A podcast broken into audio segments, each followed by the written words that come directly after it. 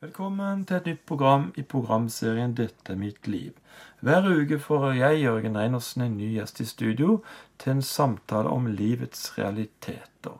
Denne ukens gjest er det Oddvar Søvik som er gjest. Og da, Oddvar, velkommen til oss. Takk for det. Du har jo en solid bakgrunn, bl.a. som pastor i Kristiansand frikirke og Bryne frikirke. Du har også skrevet en rekke bøker. Alt dette skal vi jo komme tilbake til etter hvert. Men Oddvar, la oss først starte helt ifra begynnelsen. Kan ikke du fortelle hvor du ble født og oppvokst? Ja, jeg er født i Bjerkreim i Rogaland for 73 år siden. Og Bjerkreim det var i sin tid Norges største sauebygd. Noen vil ha det til at det var både tobeinte og firbeinte sauer det gjaldt.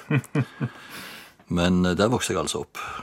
Og så flytta mine foreldre til Egersund, og da begynte jeg på gymnaset på Bryne. Og siden så ble det studier, teologi ved Menighetsfakultetet. Og der var jeg ferdig kanteol og praktikum i 1970. Hvordan var barndommen din? Ja, jeg vokste opp i veldig trange kår. Min far hadde til dels eh, tilfeldige jobber, og vi hadde det veldig trangt. Så jeg vet litt av hva det vil si å være fattig. Men samtidig så var det et veldig godt samhold i familien, og jeg hadde ei mor som trodde på bønn og praktiserte bønn. Og vi fikk erfare mange bønnhørelser. Gud så virkelig til oss i vår nød. Så det jeg fikk med meg av mors bønneliv, det har på mange måter preget meg resten av livet. Og det har jo blant annet også fått til at jeg har skrevet en bok om bønn som heter Bønn framfor alt. Men der fikk jeg med meg noe veldig viktig fra barndommen. Ellers så var nok eh, barndommen litt vanskelig fordi at jeg begynte på skolen da jeg var seks år. Og minst i klassen, og kanskje nokså skoleflink, gjorde at jeg ble mye mobba. Så jeg ser ikke tilbake igjen på barneårene på skolen med særlig stor glede. Men så kom jeg til Bryne og fikk nye venner, og da ble det en helt ny situasjon. Hva gjorde du etter eh, ungdomsskolen? Ja, nå var det før ungdomsskolens tid dette her, så jeg hadde jo framhaldsskole da. Framhaldsskolen var det, ja. Og da reiste jeg da på realskole og videre på gymnas. Og så begynte jeg da å studere teologi etterpå. Ja, og før den tid så eh, greip du evangeliet, sier du, når du var 17 år. Hva skjedde da? Ja, jeg hadde jo en periode i for å si mine ungdomsår som jeg nok trodde, men ikke bekjente. Og jeg hadde jo en del ikke-kristne venner som jeg var sammen med. Og så kom jeg da på Bryne og begynte å gå i skolelaget. Og eh, jeg ville jo vel innerst inne være en kristen, men jeg hadde jo ingen frelsesvisshet. Og så hadde jeg vært på skolelagsmøte en kveld, og der talte predikanten om Jesu gjenkomst. Og han utla det slik at Jesus kunne komme igjen når som helst. Det tror nok jeg at han gjør. Det er visse tegn i tiden som skal skje forut for hans komme. Men han utlater slik at Jesus kan komme igjen når som helst. Og de som da ikke er rede, de kan bare stå og vinke til de som tar av. Og jeg visste med meg selv den kvelden at hvis Jesus skulle komme igjen i kveld, eller i natt, da kunne jeg bare stå og vinke. Jeg ville ikke bli med. Og det var en fortvila følelse, egentlig. Og så gikk jeg opp på rommet mitt og eh, fant fram en bibel og slo liksom bare opp på måfå og leste det første som mine øyne falt på. Og der sto det i 2. Korintene 5.21. Han som ikke visste av synd, har Gud gjort til synd for oss, for at vi i ham skal stå rettferdig for Gud. Og det der i ham, det gikk plutselig opp for meg. og Jeg har vel kanskje en litt sånn visuell fantasi, så jeg så liksom for meg at jeg var inni Jesus.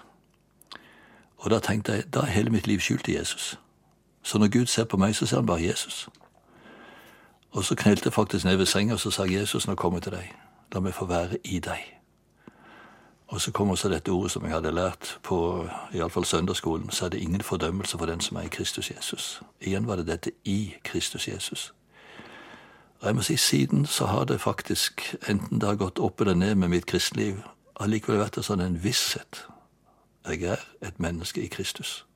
Det er min rettferdighet. Du hadde jo planer om å studere medisin, men det ble ikke helt sånn.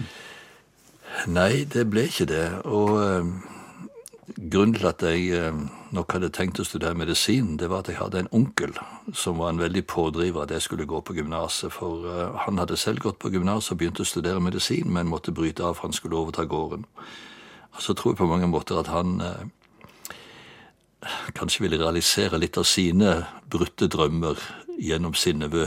Jeg har bare tenkt det sånn. Men så var det det siste året på gymnaset. Da var det en kveld jeg var på besøk hos det som skulle siden bli min svigerfar. For jeg hadde blitt forelska i ei jente da på gymnaset. Og han leste ifra Johannes 21, der Peter får et møte med Jesus. Og Jesus spør Peter, Simons sønn av Johannes, elsker du meg? Og det der spørsmålet der, det brant seg fast i meg. Og det var akkurat som Jesus spurte Oddvar, elsker du meg? Og jeg følte at jeg kunne nesten ikke si det så sterkt som Peter engang, men innerst inne så var det jo det jeg ville si. Og til slutt så sa jeg, ja, Jesus, du vet jeg har deg kjær. Og da kom det veldig sterkt. Fø mine lam, vokt mine sauer, fø mine sauer. Og da skjønte jeg jeg skal studere teologi. Men det hadde jeg ikke det minste lyst til.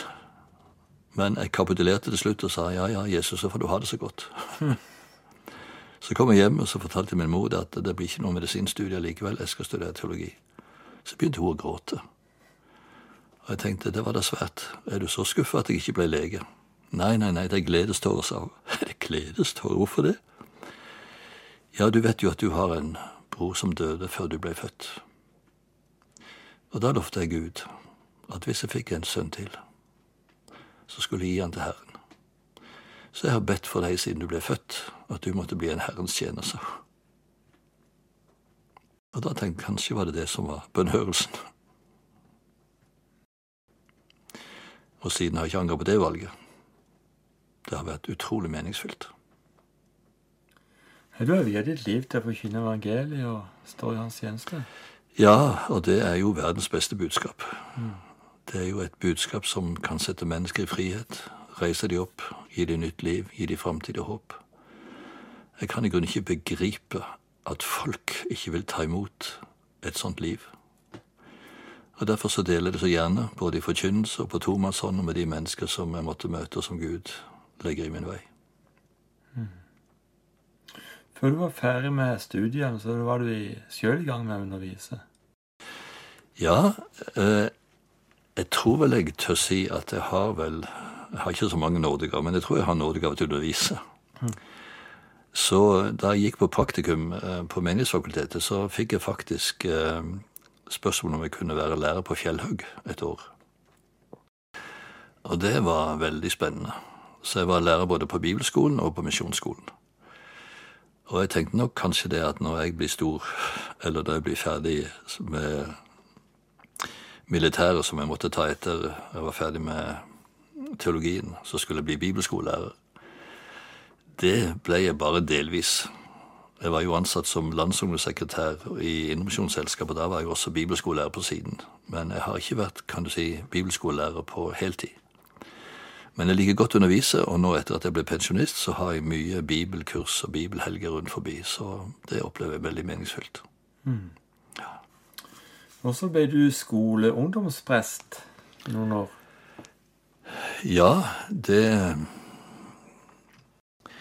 var min første stilling etter at jeg var ferdig med å avtjene verdeplikten som feltprest. Jeg var feltprest i Bergen, på Håkonsvern. Og da var jeg også et, eh, en vinter vikar for Leif Mikkelsen, som hadde fått kreft. Og da fikk jeg også undervise en del på Lærerakademiet. Og jeg tenkte kanskje at det skulle være min fremtid. Og jeg fikk faktisk en forespørsel også om jeg kunne tenke meg å bli stipendiat på Lærerakademiet. Men så kom dette kallet fra Sørlandet til å bli skolelagsprest. Og jeg opplevde at det var eh, Guds kall. Og da kom jeg jo til eh, Sørlandet i en periode der det var Jesusvekkelse og enormt driv blant de unge. Vi hadde jo flere skolelag med over 200 medlemmer. Og kredorussen hadde jo faktisk flere russ enn den verslige russen i de årene. Mm. Så det var en utrolig rik tid. Og jeg tror nesten jeg tør si at hundrevis av ungdommer ble frelst i den perioden. Og mange av de ble både prester og predikanter og misjonærer, så det var ikke bare noen sånne stemningsbølger. Jeg husker jeg var i eh, Østen første gang i 84. Da besøkte både Thailand og Hongkong og Taiwan og Japan. Og alle stedene hadde vi sørlandstreff av misjonærer som altså hadde blitt det etter at de gikk ut av skolelaget. Fantastisk. Tenk eh, flere kredoruss enn vanlig russ. Ja, det var helt spesielt. De hadde i grunnen bukta begge ender. Åssen skal de kunne oppleve slikt igjen? Ja, si det. Det som jeg tror var en av hemmelighetene, i den grad vi har noe ansvar som mennesker, det var jo det at det var et veldig aktivt bønneliv på skolene. Og eh, kunne noen ganger samle like mange som lagsmøtene. Og de ba konkret for sine klassekamerater med navns nevnelse. Jeg husker en klasse på Oddemarka skole i Kristiansand. Der var det fem stykker som ble frelst på en vinterleir vi hadde i syvende klasse. Og de fem elevene fra den klassen, de kom sammen på lagshuset vårt tirsdag morgen før skolen begynte, og fredag etter at skolen var slutt, og ba for sine klassekamerater. Og Da de gikk ut av niende klasse, så var det to stykker i den klassen som ikke var kristne. Så det sier jo litt. Helt fantastisk. Og etter dette så havner du inn i mindre- Eh, Ja, etter ca. fem år i skolelaget så fikk jeg et kall fra Indremisjonsselskapet til å bli landsungdomssekretær. Og det var jeg ikke særlig begeistra for. For eh, selv om jeg hadde en eh, i og for seg grei tid i Oslo, så var jeg glad når jeg flytta fra den byen. Den var for stor for meg. Så jeg tenkte aldri mer tilbake til Oslo. Og det var liksom ikke heller så um, lyse utsikter å drive og reise land og strand rundt for en landsungdomssekretær. Det er ikke en sekretær for landsungdom, som en trodde, men det er altså en landssekretær for ungdom. Så det ble mye reising over hele landet, og det så jeg heller ikke så særlig lys på. Men jeg fikk stadfeste det kallet veldig klart og sterkt, at det var det Gud skulle ville ha mitt liv til da. Og det gjorde han ved at tre forskjellige personer kom og ga meg samme bibelordet. En annen skal binde opp om deg og føre deg dit du ikke vil. Så det var nokså klart. Og det ble også en veldig rik og fin tid, så jeg ser tilbake på med stor glede. Herlig at du følger Guds kall på den måten. Velkommen tilbake til programmet 'Dette er mitt liv'. I studio har vi besøk av Oddvar Søvik. Og Oddvar, du har fortalt mye fra din yrkesbakgrunn, men vi skal komme tilbake til det. Vi må få høre litt hvordan eh, du traff din eh, kjære kone. Det var på gymnaset. Du må fortelle hvordan det skjedde. Ja, jeg nevnte jo det at jeg var hjemme hos min vordende svigerfar da jeg fikk dette kallet til å studere teologi. Men eh, vi møttes faktisk i eh, første klasse på realskolen og gikk eh, i gymnasklassen tre år i samme klasse. Så det var vel eh, på våren det nest siste året før vi gikk ut som russ at vi ble sammen. Og um, vi forlovte oss på immatrikuleringsdagen i Oslo. Da var jeg 18, og hun var 19. Så gifta vi oss uh, tre år seinere, eller nesten fire år seinere var det vel. Da var jeg 22, og hun var 23. Og eh, vi fikk 42 år sammen som ektefeller. Men mesteparten av de årene var hun syk. Ja. Ja, for eh, du ble jo etter hvert eh, pastor da i Kristiansand frikirke etter du hadde vært i Indremisjonsselskapet. Så ble du pastor i Kristiansand frikirke. Eh, og der ble du etter hvert hovedpastor, og det var da hun ble syk. Ja, det var vel da vi fikk påvist hva slags sykdom det var, men allerede da vi bodde i Oslo, så var det visse symptomer på at et eller annet var galt. Tåkesyn som kom og gikk, lammelser som kom og gikk. Eh, Da vi kom til Kristiansand, så begynte hun å slepe på ene foten. Og eh, en dag, det var vel i 89 det, da hun kom syklende fra byen, så skulle hun stige av sykkelen, og så viste jeg at høyrefoten hadde ingen bærekraft, så hun ramla over ende. Og da sa jeg at nei, vet du hva, nå skal vi finne ut hva dette er for noen ting. Og så måtte vi til Stavanger, for de hadde ikke MR i Kristiansand da. Og vi kjørte til Stavanger, jeg husker det var den 14. desember, for å ta en MR. Og så får vi brev lille julaften. De kunne jo godt vente til romjula, men lille julaften fikk vi brev. Du har MS. Multiple sklerose. Det var litt av en julegave. Så hun var syk med diagnosen i 25 år og satt de siste 15 årene i rullestol. Og ble bare dårligere og dårligere hele tiden. Det var ei tung tid for dere og sikkert hele familien. Ja, det var jo det.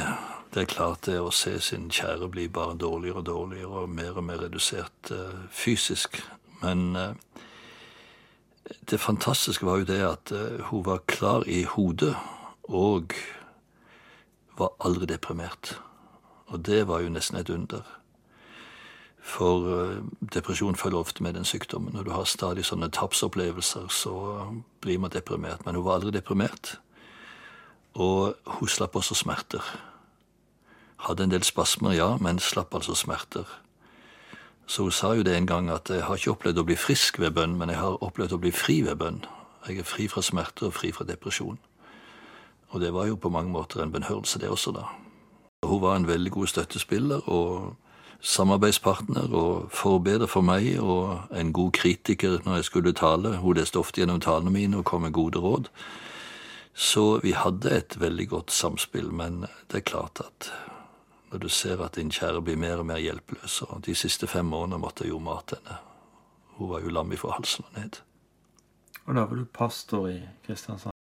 Da, ja, da var jeg for så vidt pastor på Bryne når jeg måtte mate henne.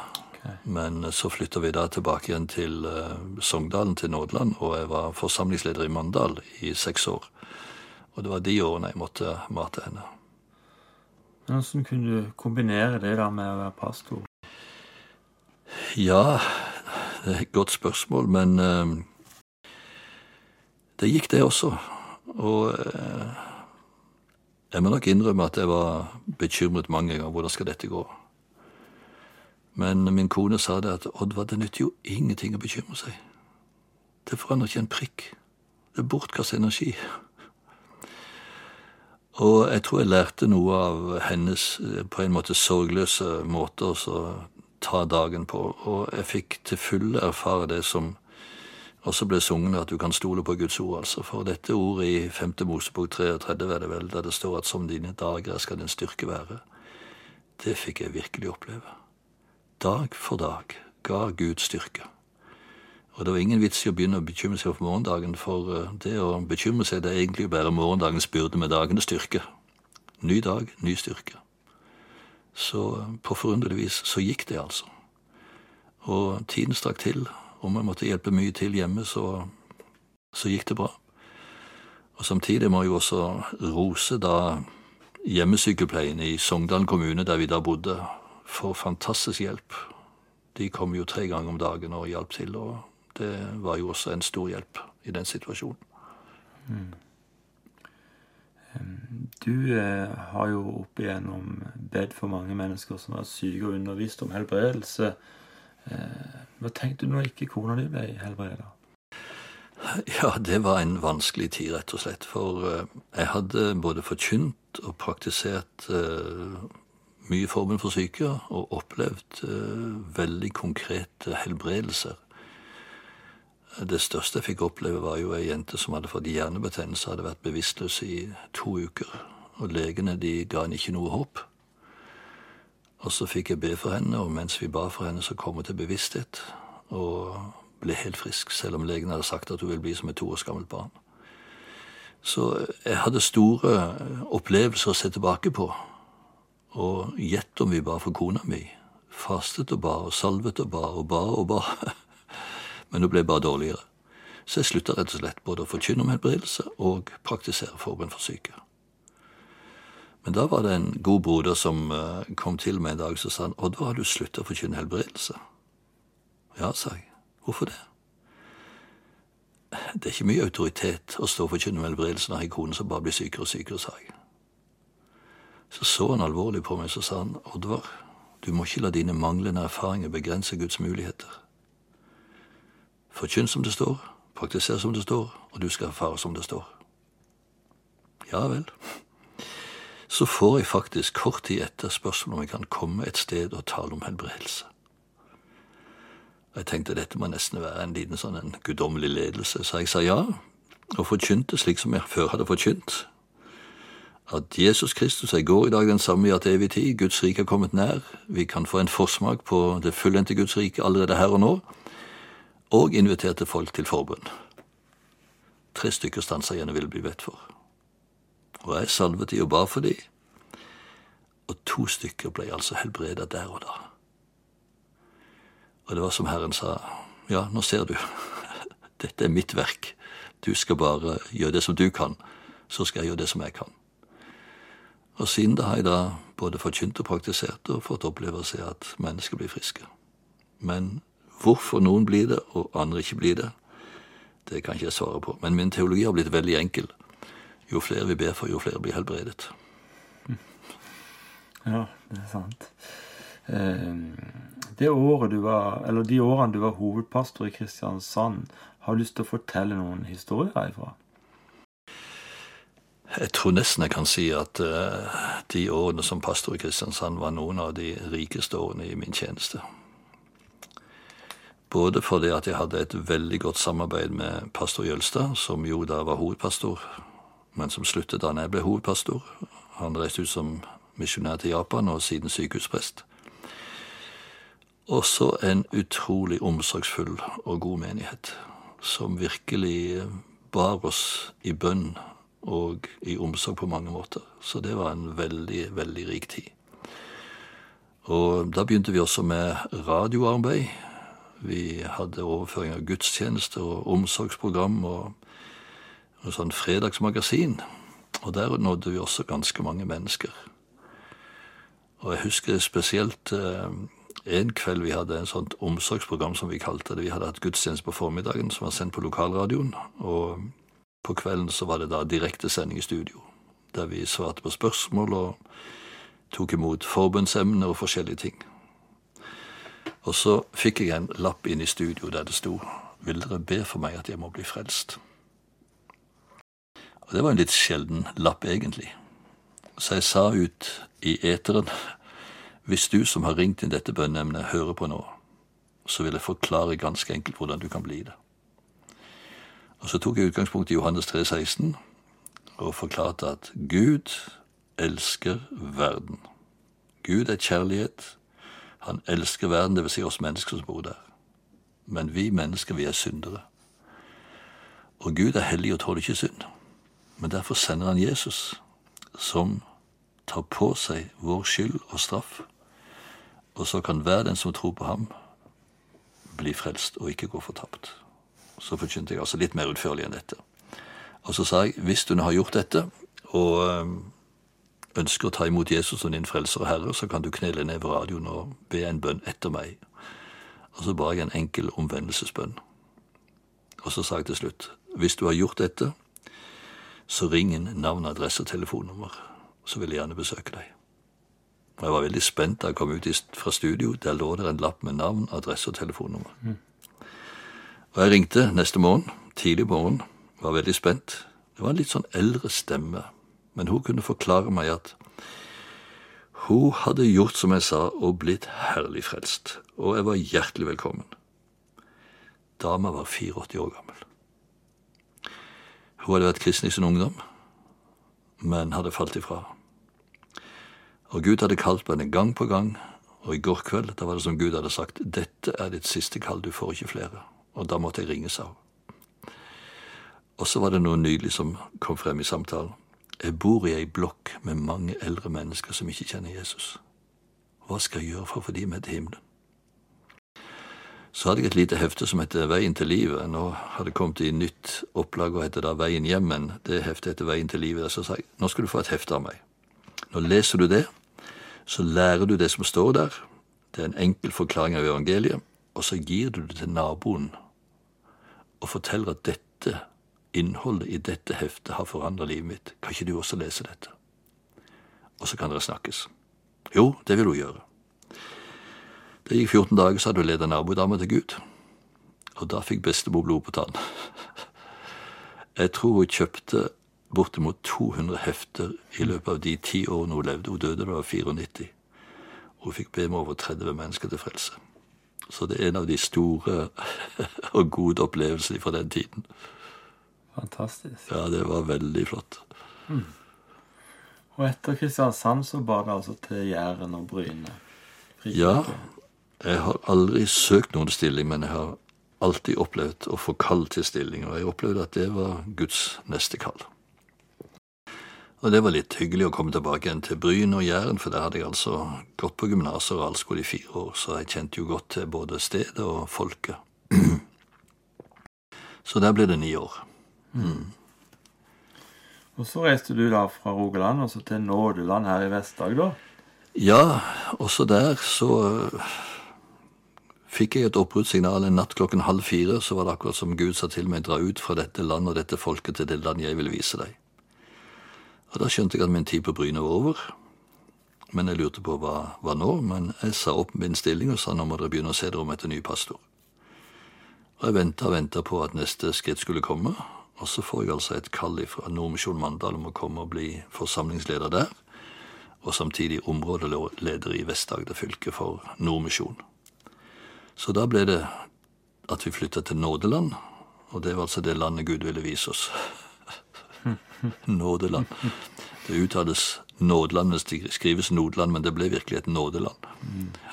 Så da fikk jeg seks gode år i Mandal og i Vest-Agder for Nordmisjon. Og så ble jeg pensjonist da jeg var 67 år gammel. Så nå har jeg vært pensjonist i seks år. Du lytter til 'Dette er mitt liv'. I studio har vi besøk av Oddvar Søvik. Oddvar, du har jo hatt et veldig rikt liv i eh, liv og i tjeneste som pastor og forkynner og opp igjennom og sånn, men det tverrkirkelige arbeidet det har alltid stått sentralt i din tjeneste. Kan du fortelle litt fra det? Ja, det har alltid ligget mitt hjerte nær. Og eh, jeg tror det blir viktigere og viktigere i tidene fremover at vi som Guds folk står sammen. Men da jeg kom som pastor til Kristiansand i 1984, så hadde Egil Svartdal kommet som pastor i Philadelphia. Og våre kirkebygg ligger jo vegg i vegg. Ja, faktisk en felles vegg. Og vi fant godt tonen, og eh, fant ut at vi skulle begynne med tverrkirkelige bønnemøter. Og det tror jeg på mange måter har blitt også forløpet til dette Sammen for byen, og Sammen for byen i bønn, som de har fortsatt med siden, siden da. Og jeg liker veldig godt å tale på fellesmøter, og reise både land og strand rundt, og gjøre det, altså. Og det syns jeg er veldig fint å manifestere at vi er ett i Kristus, selv om vi ser forskjellig på noen spørsmål. Så Og jeg tror kanskje at eh, visjonen for dette ble født i 1974. Da fikk jeg spørsmål om jeg ville bli med på den første store Lausanne-konferansen i Genève. I Sveits, mener jeg, i byen Lausanne. Og jeg hadde jo knapt vært utenfor landets grenser. Jeg hadde vært til Sverige før og Danmark. Men eh, å komme ned da til Sveits og møte kristne fra hele verden, fra 195 land, fra alle slags konfesjoner og hudfarger og språk Vi var ca. 4000, og etter første bibeltime så skulle vi snu oss mot hverandre i grupper på seks-sju stykker og be sammen.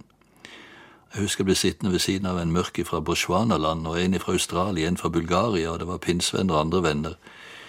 Og så opplevde jeg plutselig, så sterkt som jeg aldri før hadde opplevd, det er jo søsken. Det er jo søsken. Har samme far, samme bror.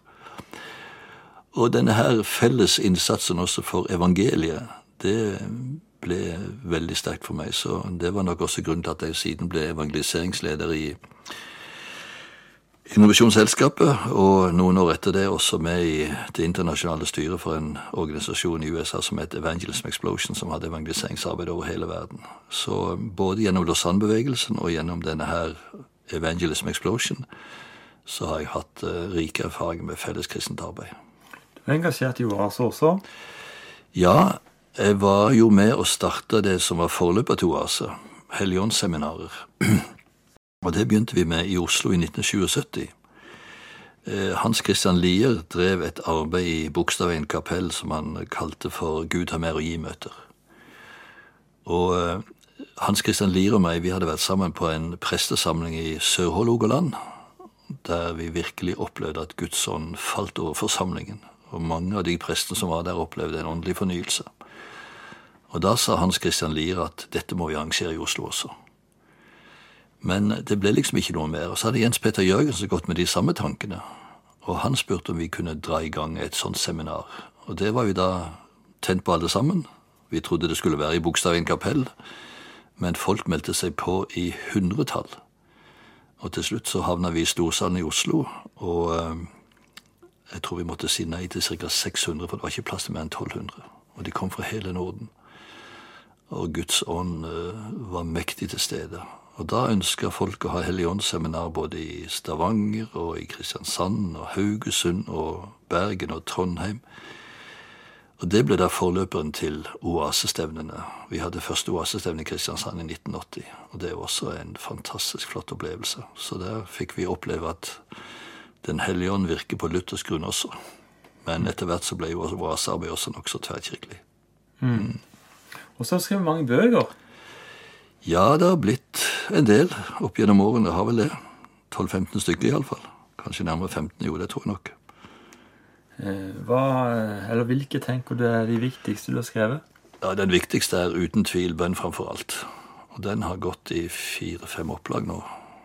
Og så har jeg også vært en del opptatt med dette med Den hellige ånds gjerning, og skrevet en bok som heter 'Strømmer av levende vann'. Den har vel gått i et par opplag. Og så har jeg skrevet en bok om evangelisering som heter 'Gå og fortell', og en del andre småbøker, pluss noen vitsebøker også. Ja, har du en vits for oss? Ja, Den første boken heter 'Luther, smil og glede', og det var jo stort sett bare prest- og predikanthistorier.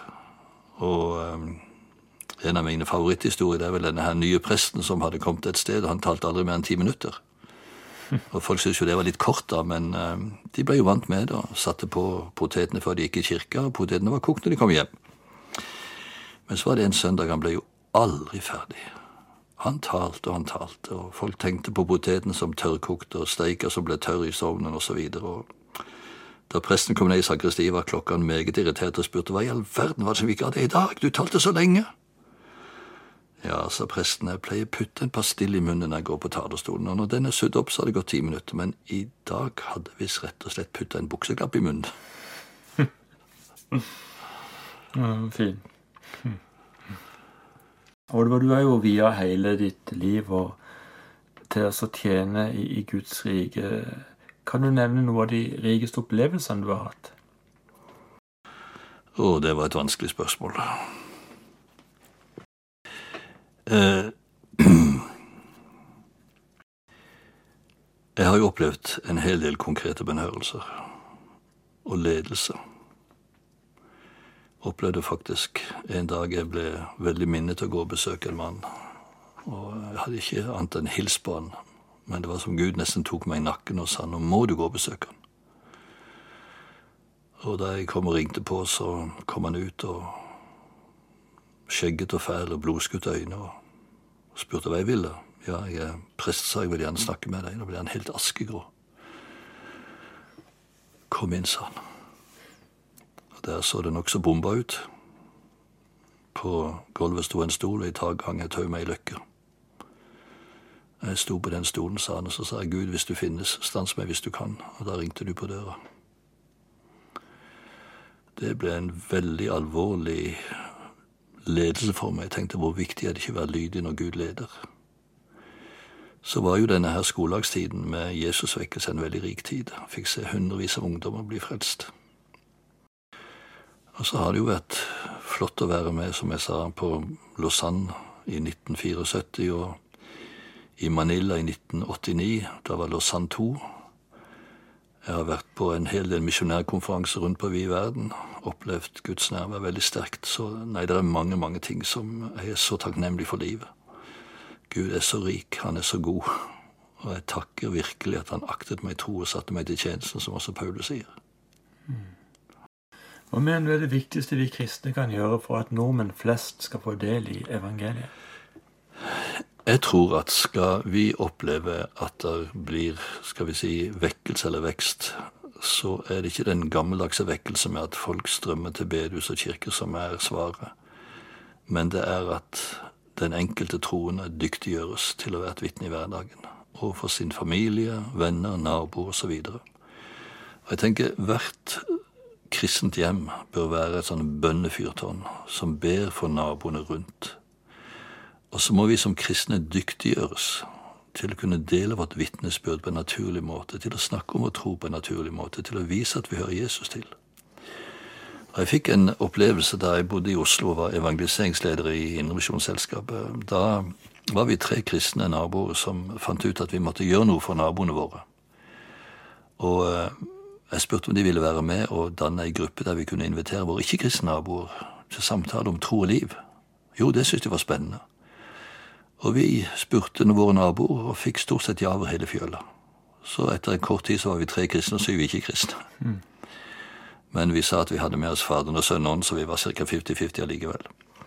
Men så var det en kveld vi hadde fått virkelig vitne om hva Jesus betød for oss alle vi tre. Og da vi gikk hjemover, naboen min og meg, da, så var han veldig betenkt. Og vi kom da til et veikryss der han skulle til venstre, jeg skulle litt videre fremover, så sier han han betyr visst mye for deg, han der Jesus. Ja, sa jeg, kunne ikke tenke meg hvordan livet skulle vært uten. Nei, skjønte det i kveld, sa han. Men si meg en ting. Nå har jeg jobbet i 13 år sammen med to stykker som jeg etter hvert har fått vite er kristne. Og de har til dags dato ikke sagt et ord til meg om Jesus. Betyr ikke Jesus noe for de? Og da tenkte jeg, vi er vitner uansett. Men vi kan være dårlige vitner hvis vi ikke sier noe. Og da avlegger vi faktisk en negativ vitnesbyrd. Eller vi kan fortelle om hva Jesus betyr for oss på en naturlig måte. Og med våre liv leve slik at folk blir interessert i å finne ut hva er det du har som jeg ikke har. Og så kan vi være med og lede mennesker til Gud. Der tror jeg faktisk svaret ligger for fremtiden. Og Derfor bør det være mye mer undervisning i kirker og menigheter om hvordan vi kan være vitner i hverdagen. Vi nærmer oss jo slutten av dette programmet, men eh, har du lyst til å komme med en hilsen til lytterne helt på slutten? Ja, det kan være mange forskjellige lyttere som hører på dette programmet, forhåpentligvis.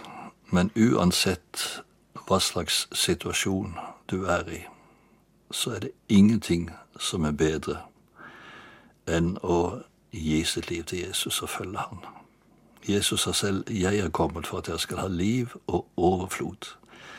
Og Det betyr ikke materiell rikdom, men det betyr et liv som flyter over til andre. Jeg vet hvorfor jeg lever, jeg vet hvor jeg kommer fra, jeg vet hvor jeg går hen. Jesus har gitt meg et liv med mening og innhold, han har gitt meg et liv med fremtid og håp. Jeg kan ikke tenke meg noe bedre liv. Jeg kan ikke skjønne at folk egentlig avviser dette. Så kom til Jesus, søk Han, og du vil finne livet med stor L. Olvar Søvik, vi er bare så takknemlige for at du kom i vårt studio i dag. Må Gud velsigne deg, din familie og ditt virke i tida fremover.